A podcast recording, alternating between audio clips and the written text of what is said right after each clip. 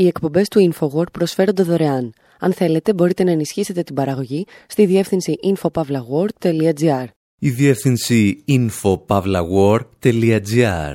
Η εκπομπή InfoWord με τον Άρη Χατζηστεφάνου.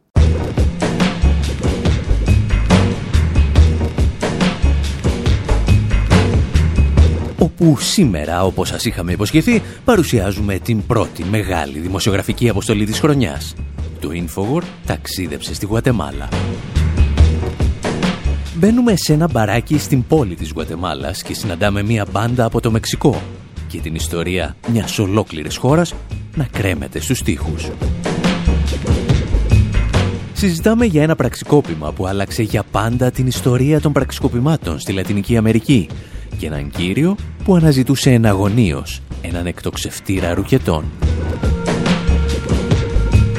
Και ύστερα αναρωτιόμαστε γιατί από όλες τις χώρες του κόσμου ήταν η Γουατεμάλα που μετά τις Ηνωμένες Πολιτείες μετέφερε την πρεσβεία της στο Ισραήλ από το Τελαβίβ στην Ιερουσαλήμ. Και όλα αυτά τα κάνουμε με μπόλικη σκά και ροκ από το γειτονικό Μεξικό, ο λίγων από Μανουτσάου και μερικές δόσεις από Αριέμ. Εν αρχή όμως είναι η Μακίλα 69. Este es muy amable, este es muy, ama este es muy amable y es usted pura vida. Y es, y es usted pura vida. Yo que todo lo revuelco y en las mañanas parezco un huracán que sabe hacer muy buen café. Yo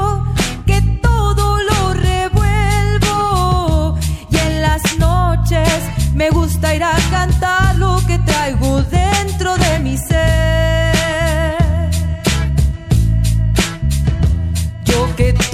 lo acelero, yo que todo se lo enredo.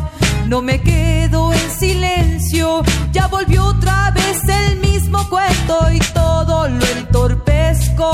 Yo que nada me merezco cuando pase a un lado suyo, cuídese que casi lo destruyo.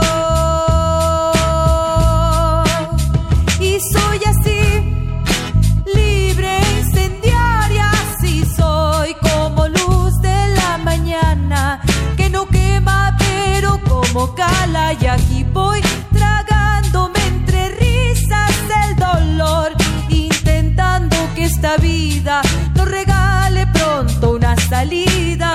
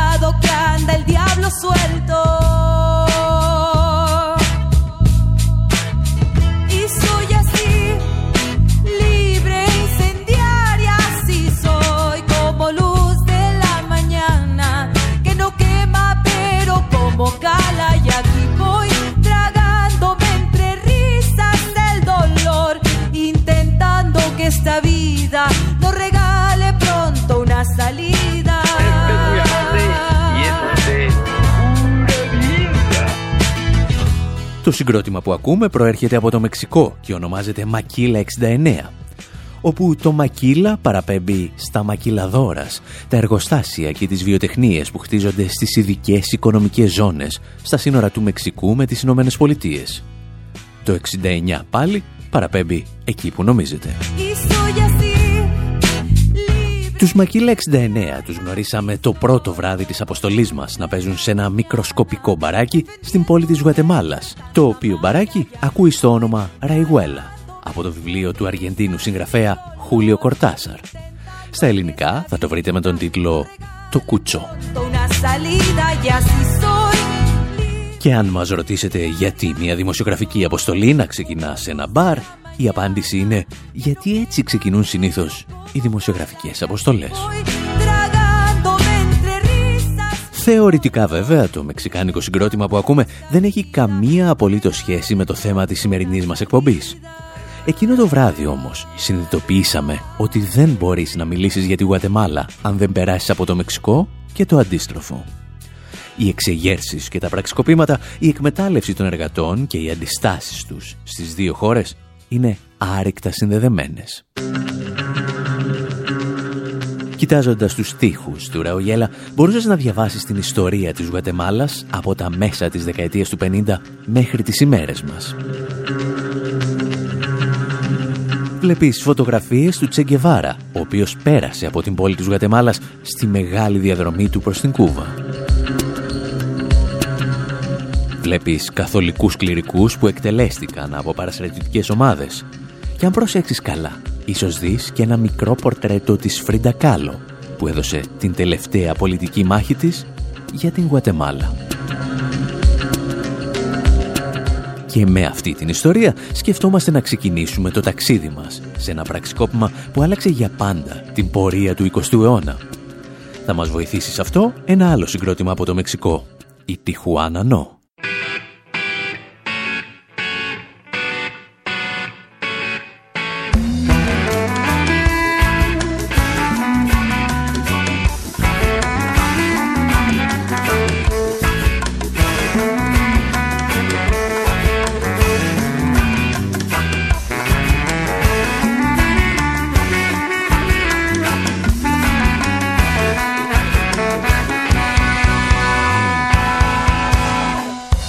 Pobre Frida, compañera Kahlo, que del recuerdo de tu sencillez en la memoria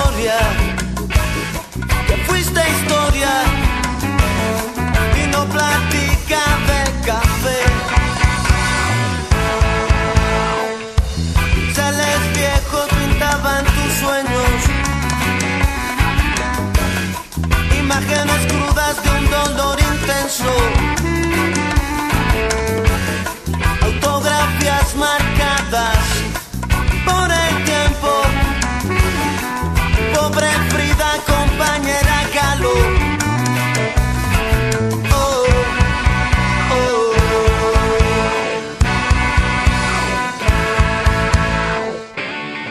παλικάρια που ακούτε είναι η Τιχουάνα Νο, μια σκαπέ μπάντα από το Μεξικό, οι οποίοι αρχικά ονομάζονταν Σκέτο Νο, αλλά μετά συνειδητοποίησαν ότι το ίδιο όνομα είχε και ένα άλλο συγκρότημα πριν από αυτούς.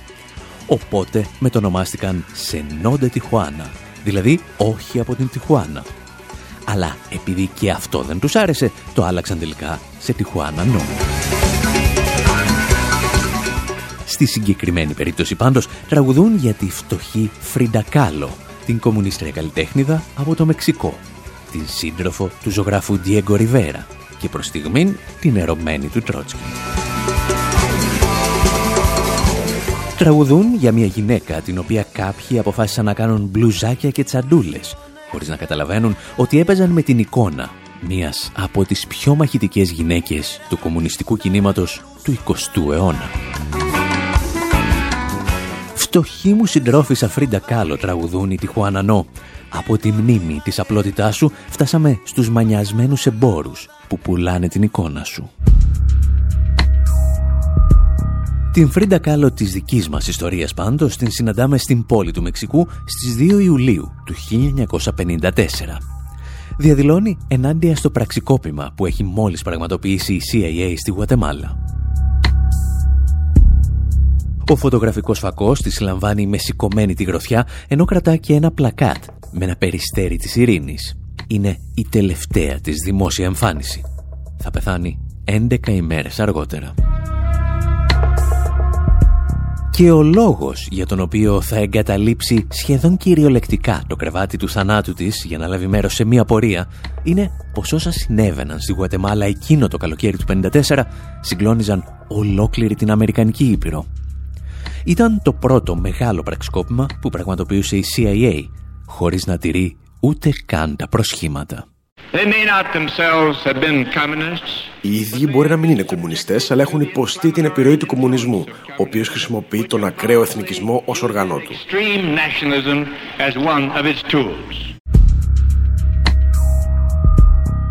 Ο Τζον Φώστερ Ντάλες, υπουργός εξωτερικών του Eisenhower, μιλά για την κυβέρνηση της Γουατεμάλας, την κυβέρνηση του Προέδρου Χάκομπο Άρμπενς.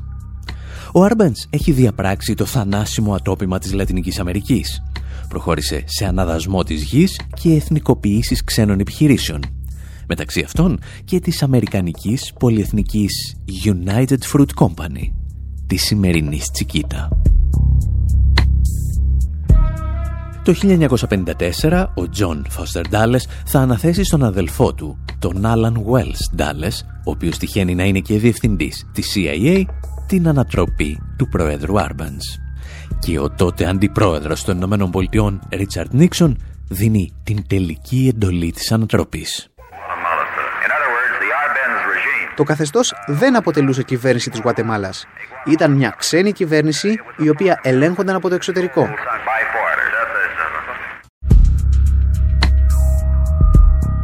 Το πραξικόπημα στη Γουατεμάλα αποτελεί σημείο σταθμό στην ιστορία της CIA. Για πρώτη φορά δοκιμάζει στην Αμερικανική Ήπειρο τις τεχνικές ανατροπής κυβερνήσεων που έχουν αναπτυχθεί στο Ιράν με την ανατροπή του Προέδρου Μοσάντεκ. Και αν θυμάστε, εκείνο το πραξικόπημα το ανέλαβε η CIA γιατί δεν μπορούσε να το καταφέρει ο Winston Churchill. Τα εξηγούσε παλαιότερα ο δημοσιογράφος στο New York Times, Stephen Kisner, μιλώντας στο Democracy Now! Um, so then the British decided they would have to overthrow Mossadegh, and they started a plot to do that. But Mossadegh Οι Βρετανοί αποφάσισαν να ανατρέψουν τον Μοσάντεκ, αυτός όμως το κατάλαβε και έκλεισε τη Βρετανική πρεσβεία. Έστειλε όλους τους Βρετανούς διπλωμάτε στα σπίτια τους και μαζί και όλους τους κατασκόπους που βρίσκονταν ανάμεσά τους. Το μόνο που μπορούσε να κάνει λοιπόν ο Τσόρτσελ ήταν να ζητήσει τη βοήθεια του Αμερικανού Προέδρου Τρούμαν. Αυτός όμως αρνήθηκε γιατί πίστευε ότι η CIA πρέπει να πραγματοποιεί μυστικές επιχειρήσεις, αλλά όχι να ανατρέπει κυβερνήσεις. Και έτσι το θέμα έκλεισε μέχρι τη στιγμή που άλλαξε η κυβέρνηση στις ΗΠΑ και ανέλαβε ο Eisenhower. Ο υπουργός ανέλαβε ο Τζον Φώστερ Ντάλες, ο οποίος είχε περάσει το μεγαλύτερο μέρος ζωής του ως δικηγόρος μεγάλων πολυεθνικών. Το γεγονός λοιπόν ότι μια χώρα θα μπορούσε να εθνικοποιήσει μια εταιρεία απειλούσε το ίδιο το σύστημα για το οποίο ο ίδιος είχε εργαστεί σε όλη τη ζωή. Δηλαδή το σύστημα των πολυεθνικών.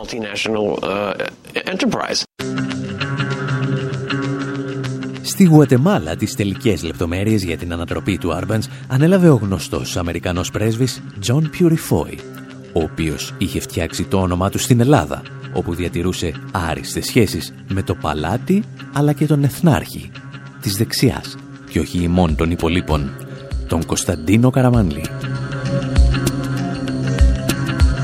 Στη Γουατεμάλα η CIA και ο Purifoy δοκιμάζουν για πρώτη φορά τεχνικές ψυχολογικού πολέμου και βασανιστήριων που στο εξής θα αποτελούν εκ των όνου κάνευ συστατικό κάθε πραξικοπήματος σε όλο τον κόσμο. Από την πλευρά τους, τα αμερικανικά μέσα ενημέρωσης, όπως η New York Times, μαθαίνουν πως είναι να πρέπει να δικαιολογήσεις στην κοινή γνώμη ένα πραξικόπημα, το οποίο δεν πραγματοποιείται πλέον στην άλλη άκρη του κόσμου, αλλά στην πίσω σου αυλή. Το πραξικόπημα στη Γουατεμάλα θα οδηγήσει σε έναν εμφύλιο πόλεμο και σειρά άλλων πραξικοπημάτων που θα στοιχήσουν τουλάχιστον 200.000 ανθρώπινες ζωές. Θα γεννήσει όμως και δεκάδες ένοπλα επαναστατικά κινήματα σε ολόκληρη την Νότια Αμερική. Κάποιοι άνθρωποι που συνειδητοποιούν ότι χωρίς μια ένοπλη επανάσταση δεν μπορείς να αντιμετωπίσεις τη CIA και τις αμερικανικές πολυεθνικές που τη χρησιμοποιούν, παίρνουν τα όπλα. Ανάμεσα σε αυτούς τους επαναστάτες, αρκετοί ιστορικοί πιστεύουν ότι βρίσκεται και ο Τσεγκεβάρα, αφού παρακολούθησε από κοντά τις δημοκρατικές προσπάθειες του Άρμπανς να συνθλίβονται, έλαβε την οριστική απόφαση να ξεκινήσει το δικό του ανταρτοπόλεμο. Και λίγα χρόνια αργότερα τον ολοκλήρωσε με επιτυχία στην Κούβα. Δυστυχώς για τη Γουατεμάλα, οι ένοπλοι αντάρτες δεν θα καταφέρουν να αντιμετωπίσουν τα συνεχή πραξικοπήματα που ακολουθούν Και για ένα από αυτά θα τραγουδήσει μερικά χρόνια αργότερα ο Bruce Cockburn. Το If I Had a Rocket Launcher. Αν είχα ένα μπαζούκας.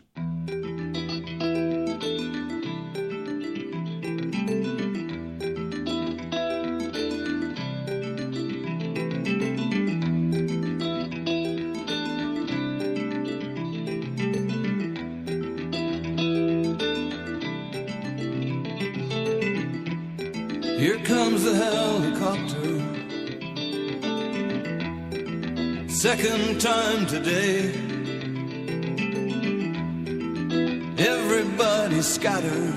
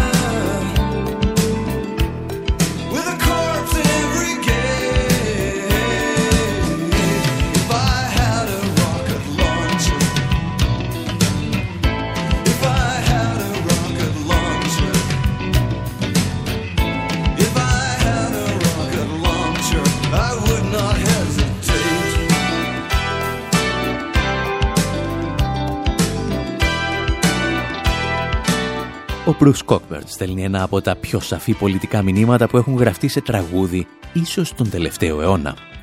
Αν είχα, λέει, έναν εκτοξευτήρα ρουκετών, κάποιος μπάσταρδος θα πέθαινε. Και μπορούμε να σας πούμε με σχετική βεβαιότητα ότι ο μπάσταρδος που είχε στο μυαλό του ήταν ο δικτάτορας της Γουατεμάλας, Εφρέν Ρίος Μόντ. Ο Κόκπερν θα βρεθεί το 1984 στα σύνορα της Γουατεμάλας με το Μεξικό. Είναι προσκεκλημένος της ανθρωπιστικής οργάνωσης Oxfam για να δει τις άθλιες συνθήκες στις οποίες ζουν οι πολιτικοί πρόσφυγες από τη Γουατεμάλα, οι οποίοι έχουν διαφύγει από τη δικτατορία του Μόντ. Ο Κόκμπερν εξοργίζεται τόσο πολύ ακούγοντας τις ιστορίες αμάχων τους οποίους πολυβολούσαν από τα ελικόπτερα ώστε ζητά έναν εκτοξευτήρα για να μπορεί να τα καταρρύπτει. Περίπου δηλαδή ό,τι σκεφτόταν και ο Τσεγκεβάρα όταν έμαθε για τη δικτατορία που ανέτρεψε τον Άρμπενς τρεις δεκαετίες νωρίτερα. Για μια φρικτή ηρωνία της τύχης πάντως και οι δύο πήραν τα μπαζούκας που ζήτησαν με ελαφρώς διαφορετικό τρόπο. Ο Τσεγκεβάρα το πήρε για να πολεμήσει τις δυνάμεις του δικτάτορα Μπατίστα στην Κούβα του Bruce Cockburn του το έδωσαν σε μια επίσκεψη που πραγματοποίησε για τα καναδικά στρατεύματα που πολεμούν στο Αφγανιστάν. Γιατί δεν αρκεί να έχεις οργή για τις δικτατορίες, πρέπει να μπορείς να δίνεις τρόπο στην οργή για να μην καταντήσεις μια μαριονέτα αυτόν που κάποτε καταδίκαζες.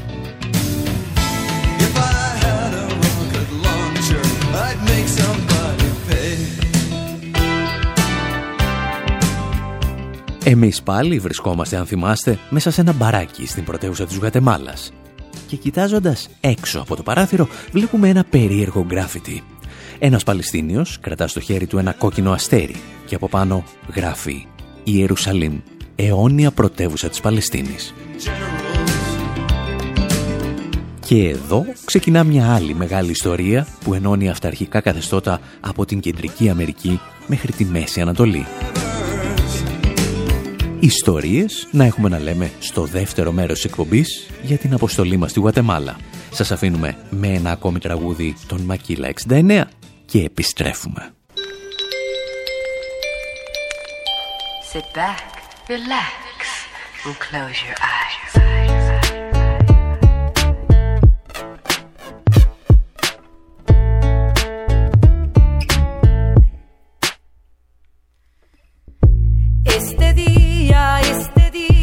solo quiero cantar, gritar tan fuerte que ya ni siquiera pueda escuchar las voces de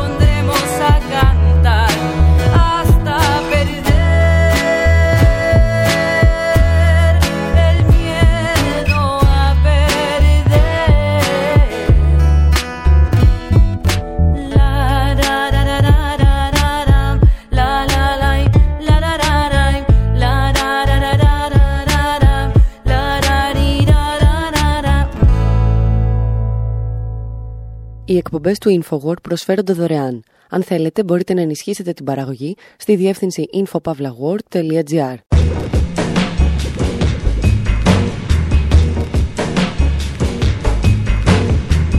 Εκπομπή InfoWord, μέρος δεύτερο όπου μας βρίσκεται αποκλεισμένους σε ένα μπαράκι στην πρωτεύουσα της Γουατεμάλας. Να ακούμε το συγκρότημα Μακίλα 69 και να διηγούμαστε ιστορίες από τις φωτογραφίες που βλέπουμε να κρέμονται στους τοίχους. Μίλησαμε για την Φρίντα Κάλο αλλά και για το πραξικόπημα του 1954 που άλλαξε την ιστορία των πραξικοπημάτων. Μίλησαμε όμως και για τα επαναστατικά κινήματα που γεννήθηκαν από αυτό στην Κεντρική και την Νότια Αμερική. Και μας έχετε πετύχει ακριβώς τη στιγμή που με την άκρη του ματιού μας βλέπουμε ένα γκράφιτι για την Ιερουσαλήμ και την Παλαιστίνη στον απέναντι δρόμο. Ιστορίες σκοτεινές και συναρπαστικές για τις οποίες θα χρειαστούμε μια μικρή βοήθεια από τους R.E.M.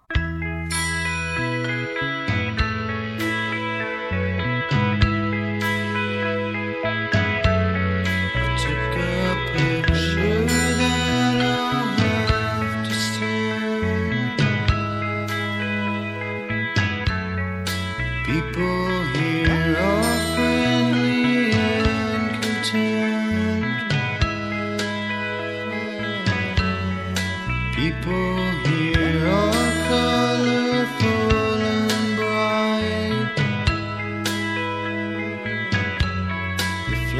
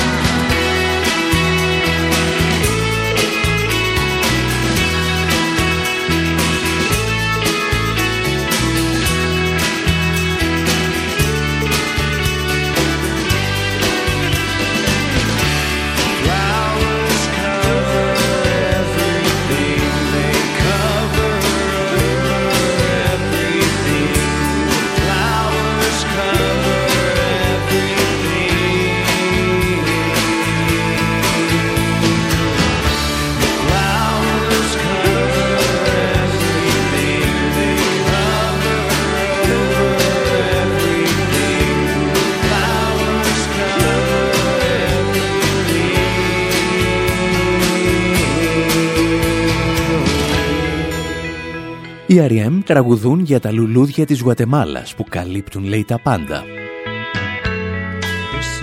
Και όπως έχουμε πει πολλές φορές σε αυτή την εκπομπή, τα λουλούδια του τραγουδιού δεν φυτρώνουν στις αυλές. Για την ακρίβεια δεν είναι και ακριβώς λουλούδια. Τα αμανίτα ή στα ελληνικά αμανίτης είναι τα πλέον δηλητηριώδη μανιτάρια στον κόσμο. Και σύμφωνα με τους R.E.M. είναι τα φυτά που φυτρώνουν ανεξέλεγκτα στους τάφους. Τη δεκαετία του 80 το συγκρότημα παρουσίαζε αυτό το τραγούδι στις συναυλίες με μία και μόνο λέξη. Γενοκτονία.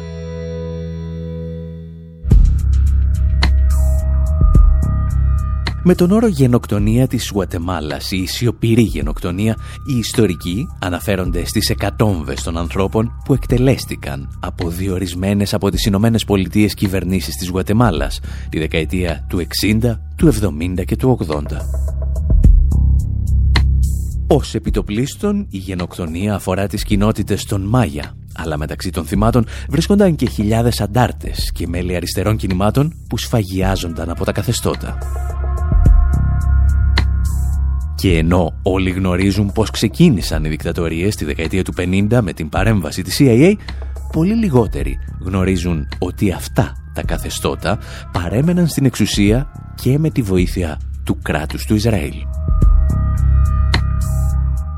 Γιατί, όπως εξηγούσε παλαιότερα ο Ισραηλινός αναλυτής Σέιρ Χέβερ, είναι δύσκολο να βρεις ένα αυταρχικό καθεστώς στον πλανήτη που να χρειαζόταν επιγόντως όπλα και να μην έβρισκε τη βοήθεια του Ισραήλ. We're talking about the 60s, 70s, 80s. Israel sold weapons to Rhodesia, which also had an apartheid regime, to South Africa, breaking the embargo very blatantly. Αν γυρίσουμε πίσω στις δεκαετίες του 60, του 70 και του 80, θα δούμε ότι το Ισραήλ πουλούσε όπλα στη Ροδεσία, η οποία είχε ένα καθεστώς όμοιο με αυτό του Apartheid. Στη Νότια Αφρική επίσης έσπαγε το εμπάρκο αποκάλυπτα. Πουλούσε επίσης όπλα στη Γουατεμάλα κατά τη διάρκεια του εμφυλίου πολέμου και στη Χιλή επί δικτατορία Πινοσέτ. Όλες οι χώρες που είχαν προβλήματα να αγοράσουν όπλα από τις μεγάλες εταιρείες μπορούσαν πάντα να στραφούν στο Ισραήλ. Uh, to sell them arms could always go to Israel. Σε αυτό το παιχνίδι βέβαια το Ισραήλ δεν παίζει μόνο του. Πολλές φορές η Ισραηλινή πολεμική βιομηχανία ήταν απλώς μια βιτρίνα για τους Αμερικανούς εμπόρους όπλων. Όταν το Κογκρέσο απαγόρευε την πώληση αμερικανικού οπλισμού σε δικτατορικά καθεστώτα, το Ισραήλ δρούσε σαν μεσάζοντας, εξασφαλίζοντας ότι ο οπλισμός θα φτάνει στον προορισμό του μέσω Τελαβίβ.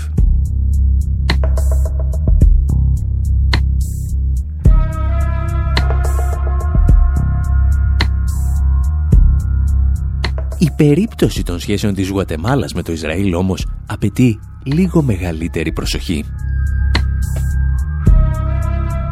Όπως είχε αποκαλύψει ο ίδιος ο δικτάτορας της Γουατεμάλας, Ρίος Μοντ, η κατάληψη της εξουσίας από τον ίδιο το 1982 έγινε χωρίς προβλήματα, γιατί αρκετοί από τους στρατιώτες του είχαν εκπαιδευτεί από Ισραηλινές δυνάμεις. Ισραηλινά μέσα ενημέρωσης μάλιστα είχαν αναφέρει ότι την περίοδο του παραξικοπήματος τουλάχιστον 300 Ισραηλινοί σύμβουλοι βρίσκονταν στη Γουατεμάλα. Τα όπλα και η τεχνογνωσία που προσέφερε το Ισραήλ χρησιμοποιήθηκαν για τη σφαγή εκατοντάδων αντιπάλων του καθεστώτος, αλλά και αμάχων. Ο Μοντ, ο οποίος τελικά καταδικάστηκε σε ποινή κάθυρξης 80 ετών για γενοκτονία, έχει κατηγορηθεί ότι συντόνιζε ομαδικές σφαγές ηθαγενών, βιασμούς γυναικών και εκτελέσεις παιδιών. Εμπειρογνώμονες του ΟΗΕ ανέφεραν στις εκθέσεις τους ότι σε χωριά της επαρχίας Ελπετέν που ισοπεδώθηκαν από τις δυνάμεις του Μοντ βρέθηκαν υπολείμματα Ισραηλινών αυτόματων όπλων τύπου Γκαλίλ τα οποία χρησιμοποιούνταν και από τις ένοπλες δυνάμεις του Ισραήλ. Και πώς ανταποδίδει σήμερα η κυβέρνηση της Γουατεμάλας αυτή τη βοήθεια που δέχτηκε η χώρα τη δεκαετία του 80 αναγνώρισαν παρανόμως την Ιερουσαλήμ σαν πρωτεύουσα του Ισραηλινού κράτους. Ουσιαστικά δηλαδή αναγνώρισαν τα αποτελέσματα ενός κατακτητικού πολέμου. Shalom, buenos días. That's the end of my Spanish for now. But the beginning of something... Uh... Σαλόμ, buenos días. Εδώ τελειώνουν τα ισπανικά που ξέρω, αλλά ξεκινά κάτι εξαιρετικό. Ή για να είμαι ακριβής, επαναρχόμαστε σε κάτι που ήταν εξαιρετικό. Αναφέρομαι στη σχέση μεταξύ της Γουατεμάλας και του Ισραήλ.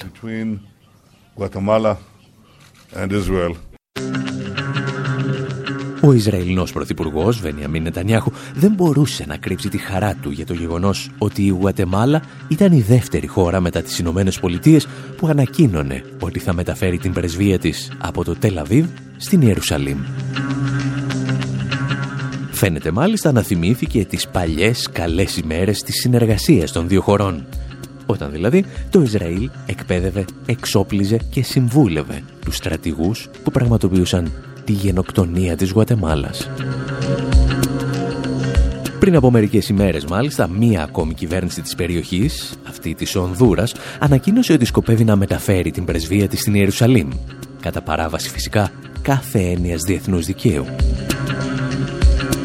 Το πραγματικό πρόβλημα για τις δύο αυτές χώρες είναι ότι εξακολουθούν να λαμβάνουν την υποστήριξη του Ισραήλ προκειμένου οι αυταρχικές κυβερνήσεις τους να παραμένουν στην εξουσία. Τα εξηγούσε πρόσφατα η καθηγήτρια ανθρωπολογίας Σάντιεν Πάιν, μιλώντας στο Real News Network. Um, well, this largely has to do with the security issues, both governments' illegitimacy um, vis-a-vis. Το φαινόμενο αυτό σχετίζεται με τα προβλήματα ασφαλείας που αντιμετωπίζουν οι κυβερνήσεις και στις δύο χώρες, καθώς δεν διαθέτουν λαϊκή νομιμοποίηση. Και οι δύο πρόεδροι της Γουατεμάλας και της Ονδούρας είναι ακραίοι σιωνιστές. Για την ακρίβεια, ο πρόεδρος της Γουατεμάλας εκπαιδεύτηκε από την Ισραηλινή Υπηρεσία Ανάπτυξης και Διεθνούς Συνεργασίας, τη λεγόμενη Μασάβ. Και οι δύο εξαρτώνται από το Ισραήλ καθώς αγοράζουν εξοπλισμό για τον έλεγχο του πληθυσμού. Μεταξύ άλλων, προμηθεύονται ηχητικά όπλα για τον έλεγχο διαδηλώσεων, αλλά και τα όπλα που χρησιμοποιούν οι μυστικές υπηρεσίες της Ονδούρα. Επίση, η Μασάβ προσφέρει τεχνογνωσία και εκπαιδευτικά προγράμματα για την καταστολή πλήθους. Στην περίπτωση της Ονδούρα, το Ισραήλ παίζει καθοριστικό ρόλο στην καταπίεση του πληθυσμού, έτσι ώστε αυτοί που βρίσκονται στην εξουσία να παραμείνουν στην εξουσία.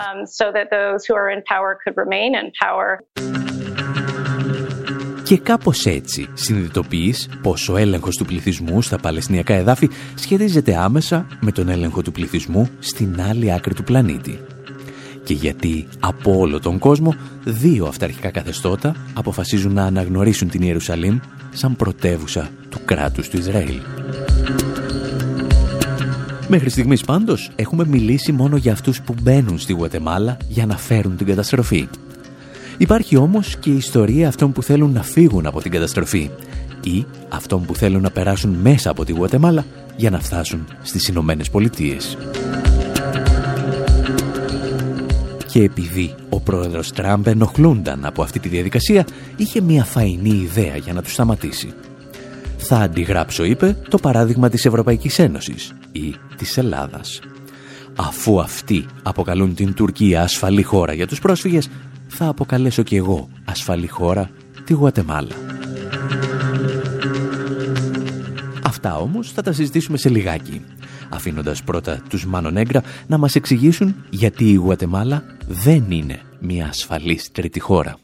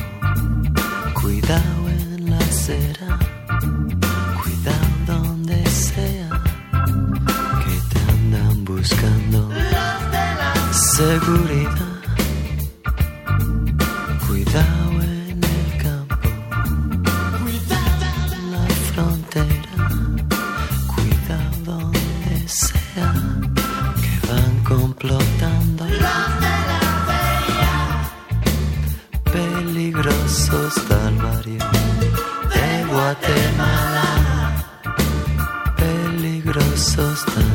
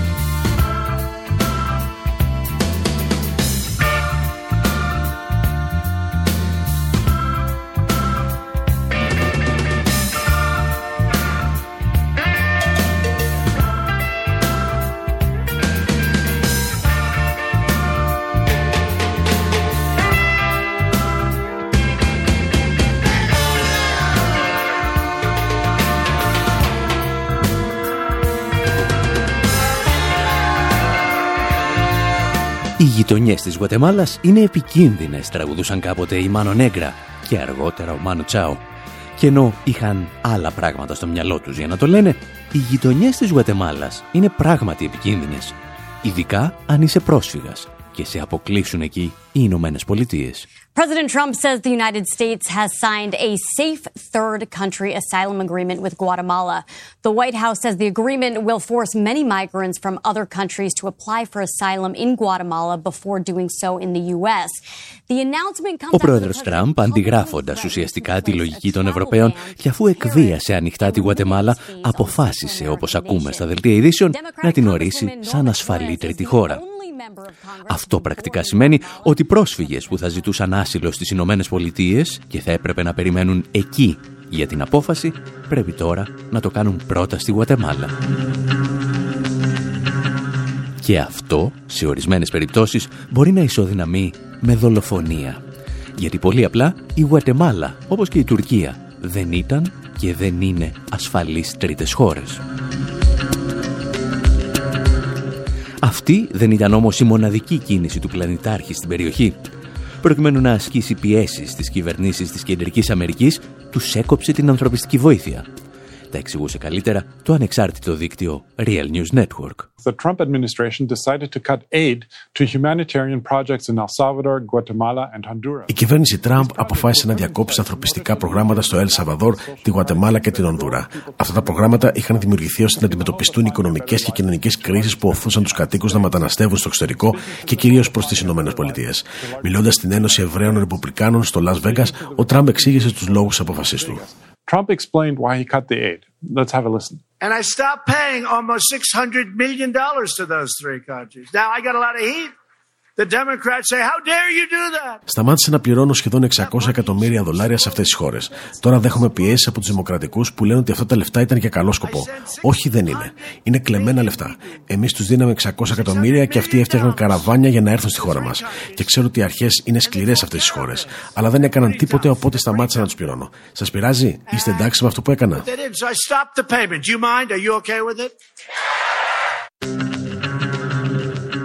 Ο τρόπος με τον οποίο ο Ντόναλτ Τραμπ συνδιαλέγεται με τους οπαδούς του ίσως να έκανε και τον Μουσολίνη ή τον Χίτλερ να δακρύσουν από συγκίνηση. Εδώ όμως υπάρχει ένα άλλο μικρό πρόβλημα. Με έναν ιδιαίτερα διεστραμμένο τρόπο, ο Τραμπ έχει ίσως δίκιο όταν λέει ότι αυτά τα χρήματα δεν πήγαιναν αναγκαστικά για καλό σκοπό. Τουλάχιστον όχι όλα.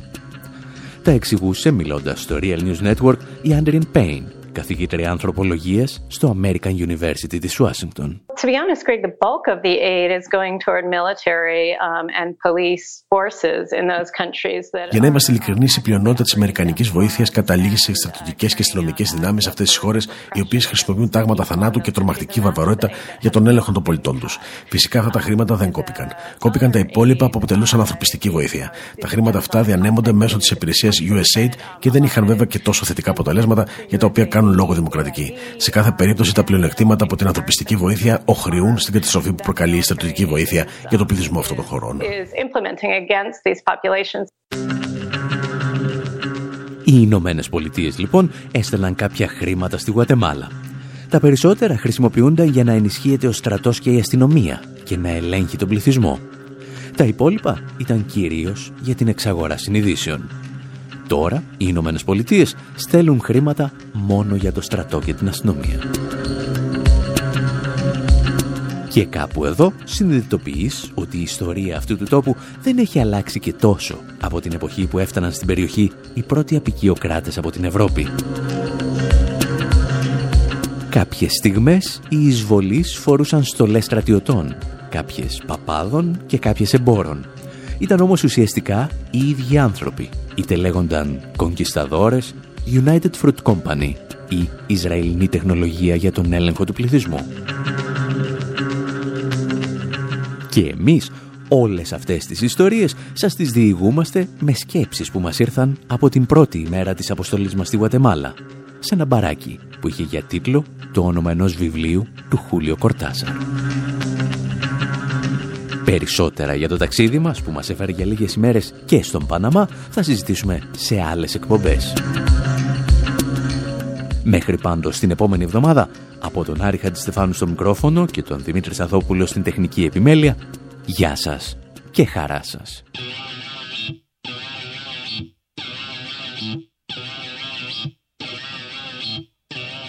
Uh,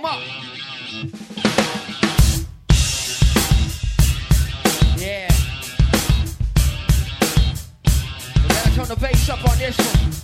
Check it. Since 1516, minds attacked and overseen. Now call them the ruins of this empty dream. With their borders and boots on top of us, pulling out on the floor of the toxic metropolis. But how you gonna get what you need to get? The gut eaters, blood drenched, get offensive like that.